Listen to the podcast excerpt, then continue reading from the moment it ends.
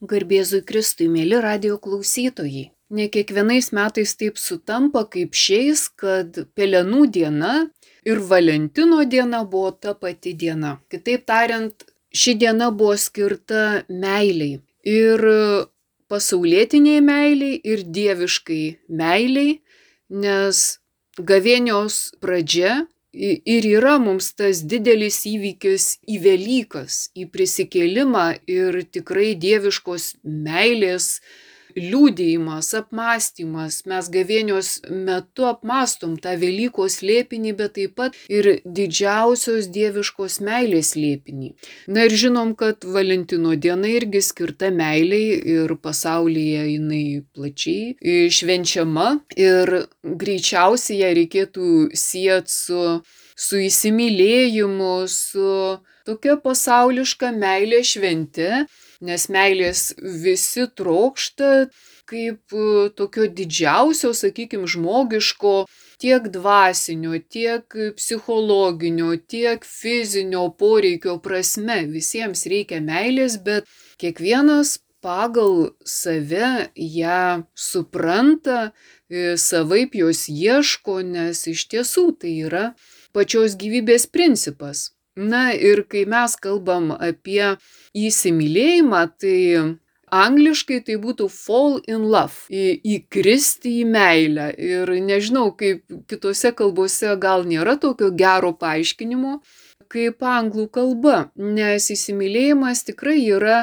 tarsi įkristi, dažnai taip žmonės šve, švenčių metu, sakykime, švesdami Valentino dieną kokiuose nors namuose, kur yra baseinas, padauginę stipresnio gėrimo tikrai gali netyčia įkristi į tą baseiną ir sušlapt. Tai tokia tragikomiška būsena, pavadinkim. Dažniausiai taip ir būna, kad įsimylėjimas tai toks žmogus nežiūri, kur eina ir papuola vat į, įpuola į tą baseiną įkrenta ir jeigu ten daug vandens ir paskes gali. Na, o jeigu tas baseinas tuščias kaip žiemą, taigi visai blogai gali ir, ir kaulų susilaužyti.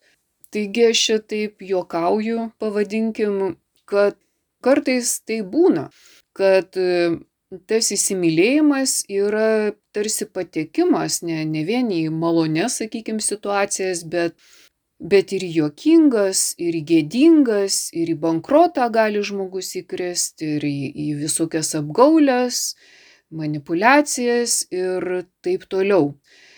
Taigi įsimylėjimas dažnai atspindi žmogaus požiūrį į gyvenimą, taip galėtume sakyti. Ir kaip ir gyvenime daug mes patiriam sumaišties akimirkų, ir baimės, ir nerimo, ir visa tai atsispindi būtent įsimylėjimo e, būsenoje, kada žmogus praranda kontrolę, jis yra į kažką įkritęs, kaip mes kalbam, gal net susižeidęs, jo gyvenimas, jo gyvenimo rutina, pavadinkim kasdienybė, jinai tokia su, sujaukta, galbūt jinai labai emocinga, galbūt tas žmogus nebūdamas kvailas, bet kvailai kartais ir elgesi ir, ir tikrai sutrinka, sakykime, ir, ir miego ritmas, ir valgio ir taip toliau.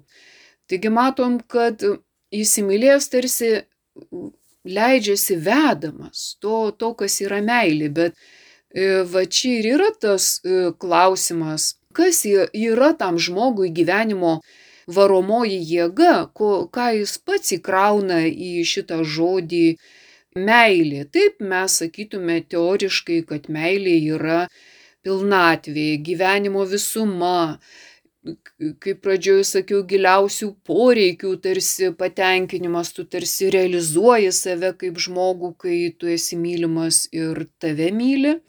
Atrodo, va tada gyvenimas sužydė, tu ne šiaip vegetuoji ten kasdienybėje, bet pradedi gyventi. Bet iš kitos pusės, ar ne, kai jeigu žmogus tapatina meilę tik su poreikiais, tai dažniausiai tie poreikiai pirmiausiai tenkinami fiziniai poreikiai Ir tada matai, kad kaip ir Platonas sakė, kad nuo eroso prasideda ar ne ir po to jau kylam į aukštesnės pakopas.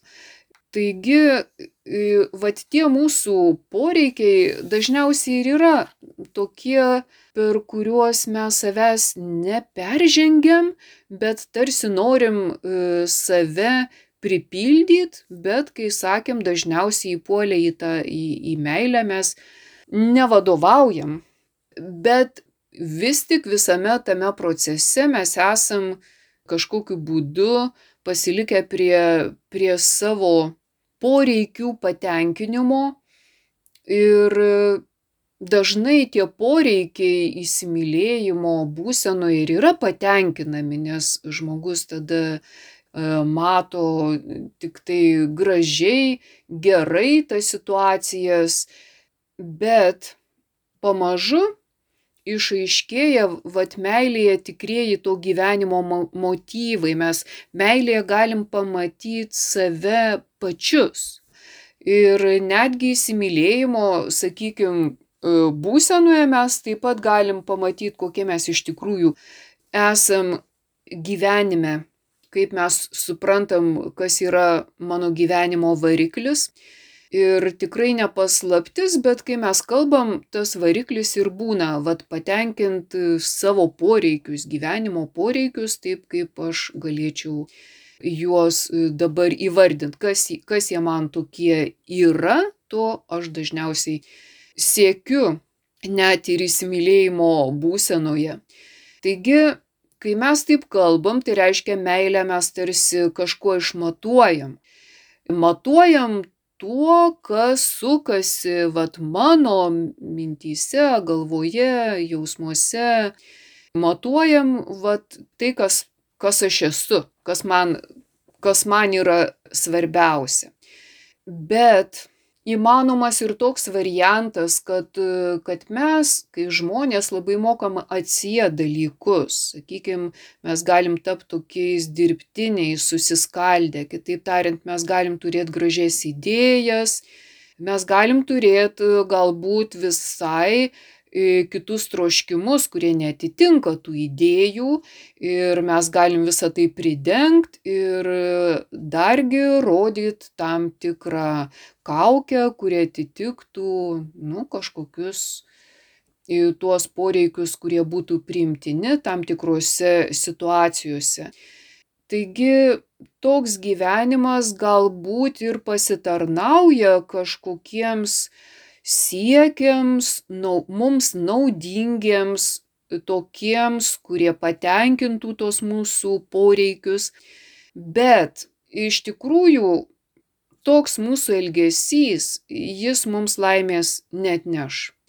Jeigu, sakykime, kad ir gražios idėjos, bet, bet mūsų tikrieji troškimai yra kiti negu tos gražios idėjos ir jeigu mes dar kažkaip stengiamės manipuliuot arba sukurt atitinkamą mm, viso šito paketo išorę, tai iš tiesų toks gyvenimas jis net neš mums jokios laimės, kad ir kaip mes galvotume, kad bandysim tokiu būdu tą laimę pasiekti.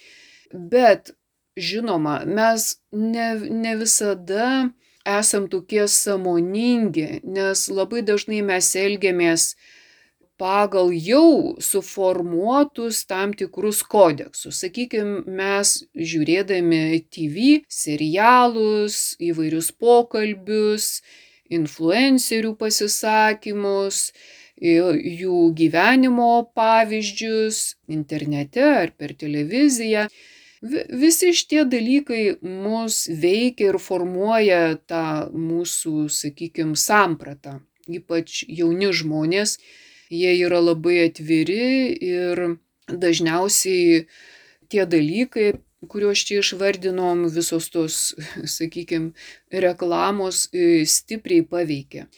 Bet dažniausiai net ir televizijoje televizija siekianti pelno, tai yra tam tikras verslas ir ji masto, nu, taip kaip mąstytų, kaip galima gauti daugiau naudos. Ir todėl, sakykime, rodo dažniausiai pokalbius, kuriuose svarstomi vat, tokio meilės gyvenimo būdai, ne visada ten geriausi variantai yra parenkami, bet parenkami tie variantai, kurie turėtų paklausą. Ir tarsi atspindėtų vat, išorėje gyvenančių būdą. Taigi, iš tiesų, ten geriausių dalykų turbūt nelabai ir išmoksim, bet antra vertus, visa tai, į ką mes žiūrim, visi tie dalykai veikia ypač, ypač jaunus. Ir daugiausiai tų istorijų ir parodo, kad meilė laikoma tam tikrų tokių sandorių. Visi turim poreikius, visi norim juos patenkinti, o patenkinti juos galim tarsi tokiu mainų būdu. Ir norėdami sudaryti vat, gerą sandorį, mes pasirodyti rinkoje ar ne. E, o rinkoje pasirodyti gali tik tai su vertingu gaminiu. E, jeigu produktas bevertis, tai reklama gali padaryti šiek tiek jį vertingesnį, sukurti gražesnę pakuotę. Ir mes matom daug tokių pavyzdžių ir nesąmoningai tie pavyzdžiai gali būti kopijuojami gyvenime, kada jaunas žmogus save rinkoje nori parduoti kaip tinkamą produktą su tinkama pakuotė. Tam sugaišta daug laiko, galbūt daug pinigų, bet tiesiog modeliuoja pagal vat, tam tikrus įvaizdžius, kurie patrauktų dėmesį, kurie atitiktų rinkodaro, sakykime, visuomenę. Ir tada žmogus save kuria ne kaip asmenį, bet kaip produktą, kaip prekę. Ir tarsi, vat, ta šio laikinė kultūra ir galimybė, sakykime, ir leidžia save sukurti kaip, kaip tą tinkamą prekę ir meilė, sakykime, santykis dažniausiai vertinamas komerciškai, ar ne? Kokie aš čia sandorį sudarau, su kuo, aš siekiu pelno, ar ne, aš turiu sudaryti sandorį, kuris pakeltų mano tarsi gyvenimo kabutėse pro, produktą, ar ne, jeigu aš gerą įsirenku prekę ir, ir aš pats įgyju didesnę e, vertę, bet žinom, kad tie sandoriai, ypač priekyboje, jie nėra tokie visam gyvenimui, tu visada ieškosi nu, ka, naujų klientų, ar ne, vad kažko, kas, kas tau būtų kalbant apie tą vertę, e, naudingiau ir tiesiog, kad tas sandoris tau didesnę naudą e, atneštų. Ir kiek yra tokių istorijų, kai tikrai žmonės net ir santoką kuria pirmiausiai įpakuodami tą santoką į gražias nuotraukas, į aplinką, į, į kokie draugai susirinks, kaip jie atrodys, Ir ne vieną kartą jau teko girdėti, kad tiesiog jau prieš santuoką žinojo, kad negyvens, bet, nu, tai tiesiog atrodė labai svarbu, kad visas tas sandoris suplanuotas įvyktų, nes tiesiog tai irgi tarsi gyvenimo tam tikras toksai pliusas, ar ne, kaip dažnai merginos galvoja, kad, nu, vis tiek, va, to, to vyro reikia dėl savo vertės mm, įgavimo ar ne, kad tu vad būsi ištekėjus ir galbūt darbas e, tau lengviau darbą susirasi, save kitaip e, vertinsiu, jeigu dar turtingas vyras, o jeigu dar gražus, o jeigu dar ir prasideda būtent dažniausiai kalba ir sukasi apie tą įpakavimą. Tai labai dažnai tokius pelningus, pavadinkim, sandorius, kai vienas ego bando gauti daugiau naudos iš kito ego, atsiranda ir įvairių apgaulių, ir to asmeninio naudos siekimo, kas bus pelningiau man, o kas man iš to. Ir, vi, ir visa tai mes kalbam siema su tokiu poreikiu, kad man reikia gyvenime, vat to, kad dabar aš galėčiau tokiu būdu pasirodyti prieš kitus ir galbūt net ir prieš save, nes turiu kažkokią vertę ar ne. Bet jeigu tik poreikiais remiasi įsimylėjimas ar ne, tai jis tampa tokiu azartiniu žaidimu. Visada tų prekių bus geresnių, gražesnių, e, tobulesnių ir tada va tas įsimylėjimas jau siemas tokiu sėkmės poreikiu įsimylėti sėkmingiau, kad daugiau laimėtum ir tas daugiau laimėtum, tai dažniausiai ta meilės samprata yra siema su tam tikro malonumo ieškojimu, visada maloniau kažkas, kas gražu e, tavo akiai, kas patrauklu, panašiai kaip versle, ar ne patraukli, gera, graži prekė, ji yra perkama labiau, e, kodėl tie įpakavimai irgi labai svarbus, ne, nes labai svarbu, kaip ta prekė bus įpakuota, o kartais būna nieko gero ar ne, bet va tas įpakavimas e, atitinka rinką. Tai va ta, sakykime, verslo orientacija e, labai dažnai, kalbant apie įsimylėjimus, jinai pasireiškia. Ir kai kalbam, jeigu verslė tie pinigai svarbus, tai čia gali būti va, tas pasitenkinimas, kiek, kiek aš jausiu to pasitenkinimo galimybės vat, savo vertę kažkaip padidinti ir gauti tai, ko, ko aš tikiuosi. Ir gali būti žmogus net apsėstas ar ne tokio gyvenimo būdo, ieškotų pro, produktų ir tada gyvenimas tarsi įgauna tą tokią varomąją jėgą, ko mes, jeigu atsigręžtume, kas buvo, kad ir prieš šimtą metų, sakykim, toje visuomenėje, kur žmonės turėjo žemės e, ir dažniausiai tas žemės turėjimas reiškia šeimos pastovumą ir saugumą. Bet tada nebuvo ten problemų dėl santokos visam gyvenimui. Tai buvo tiesiog toks kaip ir natūralus suvokimas, kad kad santuoka tai ir yra santuoka visam gyvenimui, kad tai yra kažkas pastovaus. Šiais laikais žmonės tikrai ne, negyvena tokia idėja ir todėl daug kas net ir nesituokia, nes tarsi tas vienas kito tikrinimas e, vyksta metų metais. E, ir tai rodo tam tikrą tokį nepasitenkinimą. Ir tuo pačiu toks, sakykime, požiūris į, į, į santoką stipriai paveiktas vartotojiško gyvenimo būdo. Mes netikim viena ilgalaikė preke, ar ne, kaip, kaip anksčiau daiktai, dalykai, jie buvo daromi tiesiog vos ne amžiams, ar ne, vat, tu turi tą daiktą ir, ir tai yra daiktas visam laikui, kol jau kol, kol jis e, tiesiog bus kaip daiktas tinkamas tavo kasdienybėje, pavadinkim, tavo gyvenime.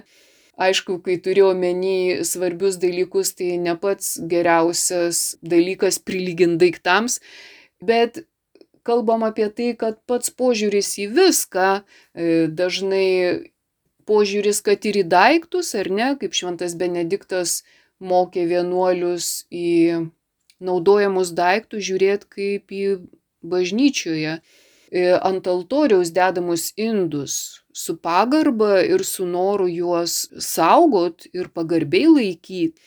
Tai šiais laikais mes tikrai neturim tokio požiūrio. Priešingai, mums tie daiktai gali būti ir nesugedę, ir tinkami, ir geri, bet mes galim išmesti tik todėl, kad jau atsirado kažkas įdomiau, geriau ir dabar tas ankstesnis daiktas man yra nereikalingas. Mes tiesiog esam apsėsti to vartotojiškumo ir įsigyti kažką vėl iš naujo atrodo toks kaip ir savaime aiškus ir nuolatinis e, gyvenimo veiksmas. Neprisirišam e, prie daiktų, bet taip pat ir tie daiktai negaminami tam, kad jie e, kiek įmanoma ilgiau būtų naudingi žmogui, priešingai jie ir gaminami kaip vienadieniai.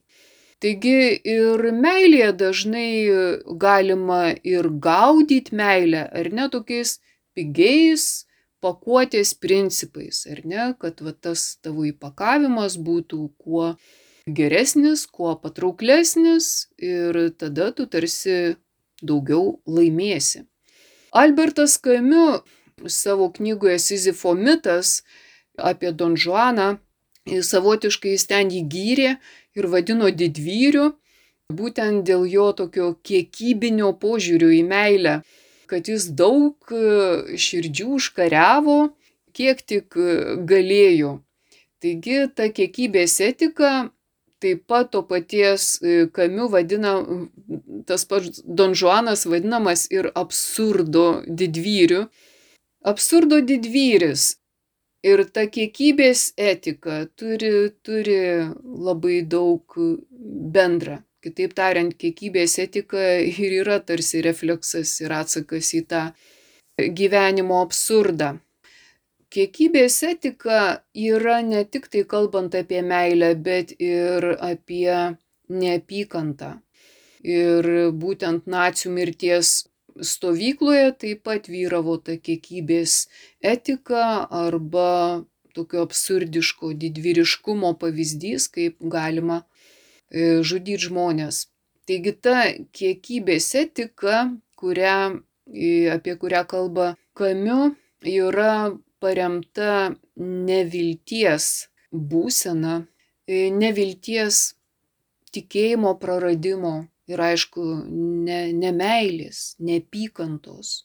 E, taigi, Kamiu iš tikrųjų po, po antrojo pasaulinio karo tarsi daugiau rašė apie pas, pasiaukojimą, apie užuojautą, apie meilę. Kitaip tariant, kad visa tai priverčia pagalvoti ir apie kitą pusę.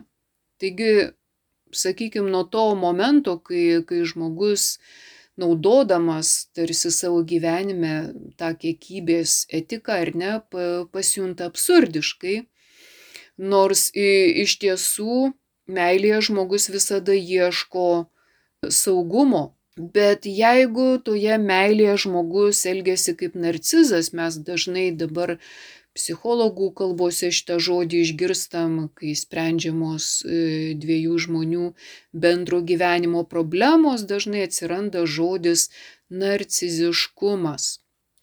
Taigi, kai, kai sakykime, dviejų žmonių tarpusavio santykiuose siekiama tų savanaudiškų tikslų, kaip tik ir atsiranda šitas paaiškinimas, kad vienas ar abu jie tiesiog yra tobuli narcizai, mylintys tik save. Ir kartais tai būna, kad tokie žmonės labai greit suartėja, ne, nes mylėdamas, e, nes panašus traukia panašų. Ir Ir atrodytų iš pradžių tas gyvenimas kaip ir laimingas, kaip ir pilnas, jie abu jaučiasi savo gyvenimo pasiekę tokią viršūnę įsipildymo, gavo ką nori, prieš kitus gali pasirodyti, jaučiasi kažkurį laiką mylimi ir kad jų meilė reikalinga, bet e, tas narciziškumas e, pamažu vis labiau ryškėja ir tampa tokiu visą suryjančiu slibinu ir tada žmonės nesupranta, kasgi čia įvyko, kad subirėjo visas tas fasadas ir už to fasado ten nieko nėra. Tai iš tiesų, jeigu meilė kuriama poreikio principų, sandėrio principų, noro patenkinti savo siekius, savo tikslus, įtvirtinti save, pasiekti tai, ko tu asmeniškai tu savo tikėtumės ir norėtum, psichologai sako, kad tai toks požiūris yra nebrandus, kad tai ir yra va, tas narciziškas dažnai reklamose ir matom tokias e, meilės. Ir žiūrim tas meilės dramas, kurios ir kyla iš tokių narcizinių egoistinių poreikių, kada siekiama pasitenkinimo naudos savo, e, atsiranda įvairios gudrios manipulacijos tam, kad gautum, ko tu savo nori. Bet žinom, kad meilės esmė tai nėra dalykas apie tai, kad viską reikia padaryti, kad gaučiau savo. Primiktinai. Ne. Iš tikrųjų, ta nebrandi meilė primiktinai reikalauja visko savo. Pasitenkinimo, kažkokios ten sėkmės išsipildymo, bet tai yra tarsi kūdikio gyvenimas lopšyje, kada tu viską gauni ir maitiniesi pienu. Suaugęs brandus žmogus suvokia, kad meilė kaip sandoris tikrai pražudo, pamato tiesiog, kad tokiu būdu meilė yra žudoma, nes tai tikrai ne kažkokia rinkodara, kur tu kažkokio pelno savo išsireikalausi ar, ar ten priversi. Ne. Meilė yra auka, meilė yra garbinimo forma, tai ne verslo sandoris. Ir, ir meilė būtent yra dvasinė gale, kurioje ne loginis skaičiavimas ima viršų, bet mūsų giluminė kūrybinė gale. Meilės gali yra dieviškumas mumyse. Ir dieviškumas pasireiškia per kūrybingumą, ne, ne per naudos, suskaičiuotos naudos ar kiekybės siekį, bet susitikdami su kitu žmogumi mes dovanojam jam save. Ir toks santykis leidžia mums pažinti ir save, mes savęs atskirai nuo kito pažinti negalim. Ir tada pamatai, kad va tas susitikimas su kitu žmogumi yra tau gyvenimo dovana, kad per jį tu gali pažinti gyvenimo paslaptis, kad, kad meilė yra ne šiaip ta išradingai sukurta pakuotė, bet, bet yra turinti savo išmintį, savo logiką, savo būdą. Meilėje gyvenantis žmogus labai dažnai elgesi iš šono žvelgiant nelogiškai, kitaip tariant, be išskaičiavimo, be kažkokių uh, suskaičiuotų tikslų. Ir tada matom, kad iš tiesų meilė labai perkeičia žmogų, kad tikra meilė taip sukuria tavo tikrą vertę, atskleidžia tau pačiam tavo tapatybę, kad tu esi čia žemėje tam, kad išmoktum dovanot save, ne, ne tik tai gaut ir tuo pačiu įprasmina gyvenimą. Kad tikroji prasme ir yra gebėjimas dovanot save, tai ne kažkokio savęs kaip paketo ten sukūrimas ar ne, neįpakavimas svarbu, bet koksgi yra tavo dvasinis turinys. Ir be tikros meilės apskritai jo nėra.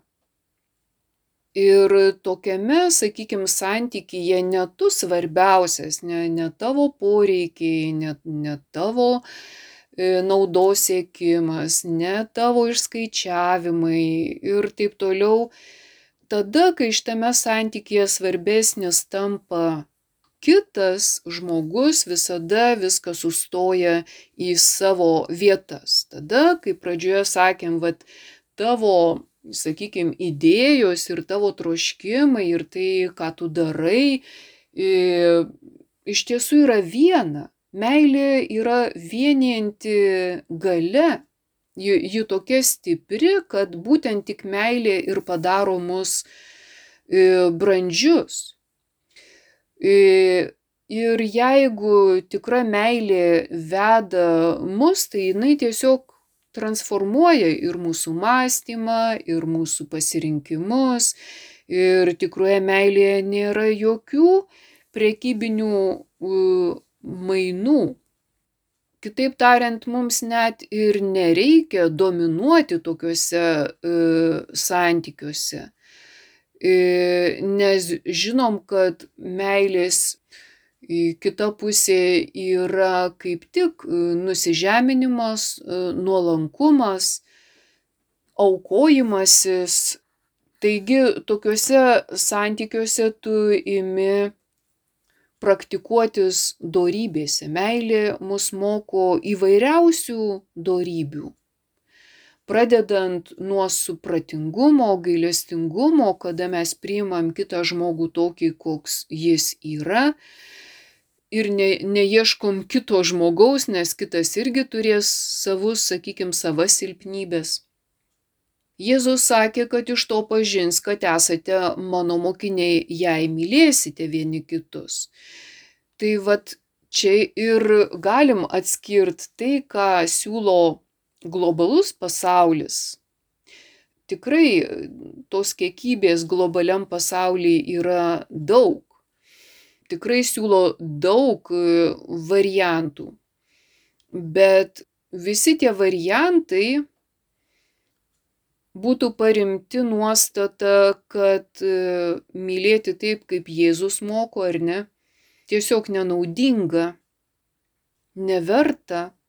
Ir išvada peršasi tokia, kad tai nuo ko nusigrėžia pasaulis, e, priešingai, ieškok tų dalykų ir pats įsitikink kur yra tikra, vad kokius vaisius e, subrandina ar tokie kiekybiniai santykiai paremti verslo ir pakuotės e, gražinimo principais, ar ta meilė, kurioje prireiks pasiaukojimo dvasios.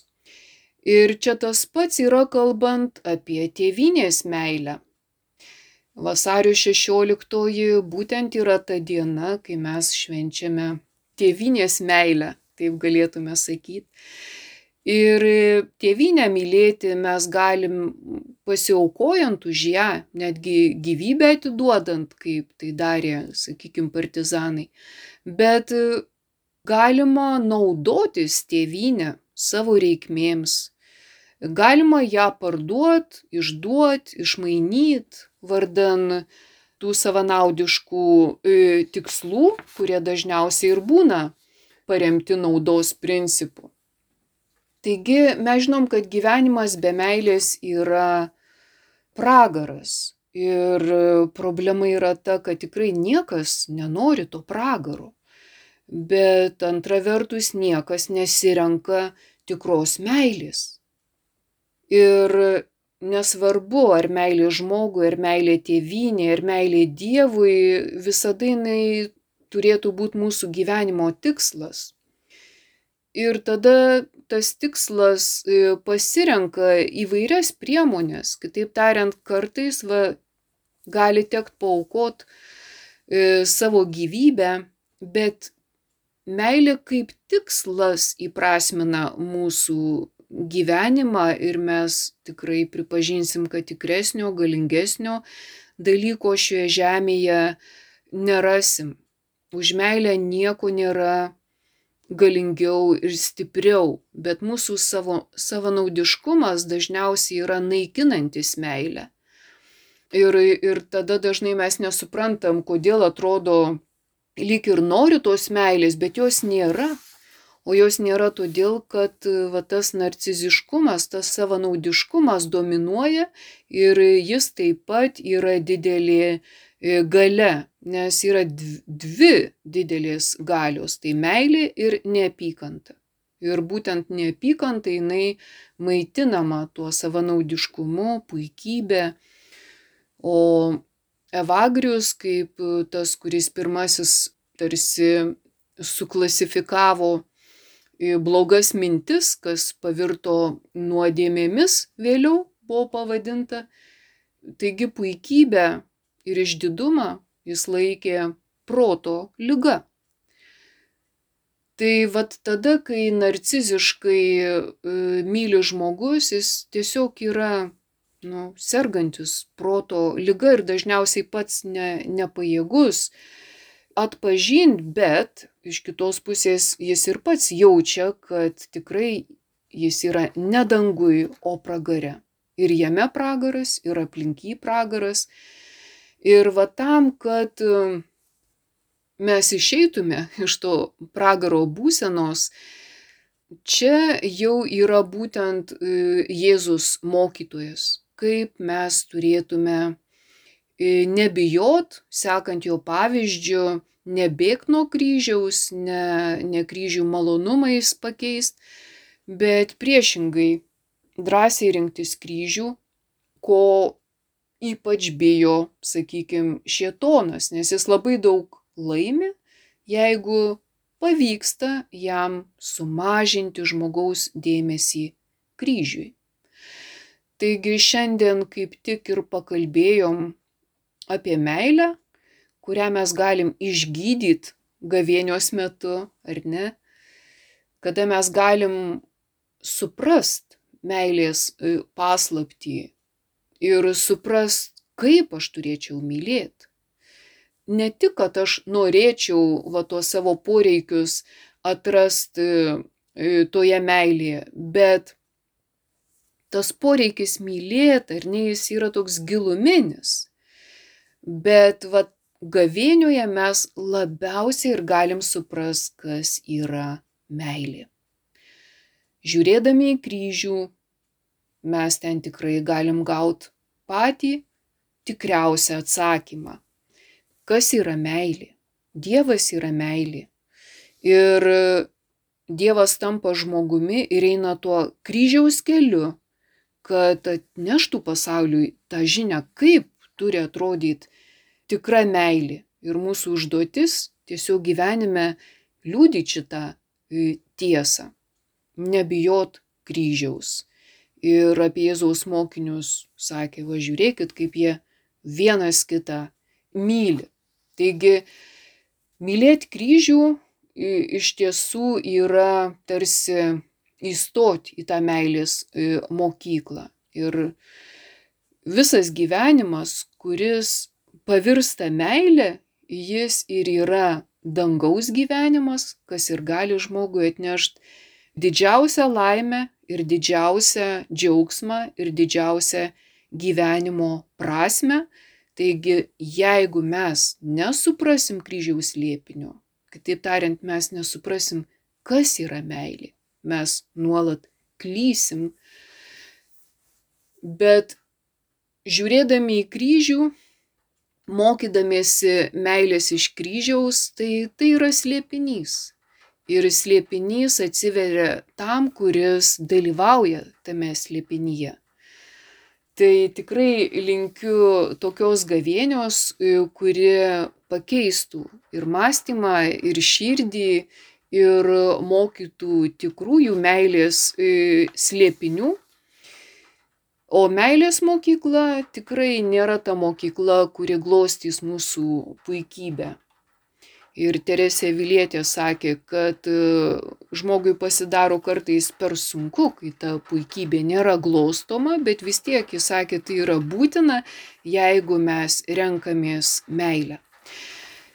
Taigi rinkimės tą tikrą meilę ir tegul pati meilė mus ir moko ir būna mums pavyzdžių. Ačiū uždėmesį. Su Dievu.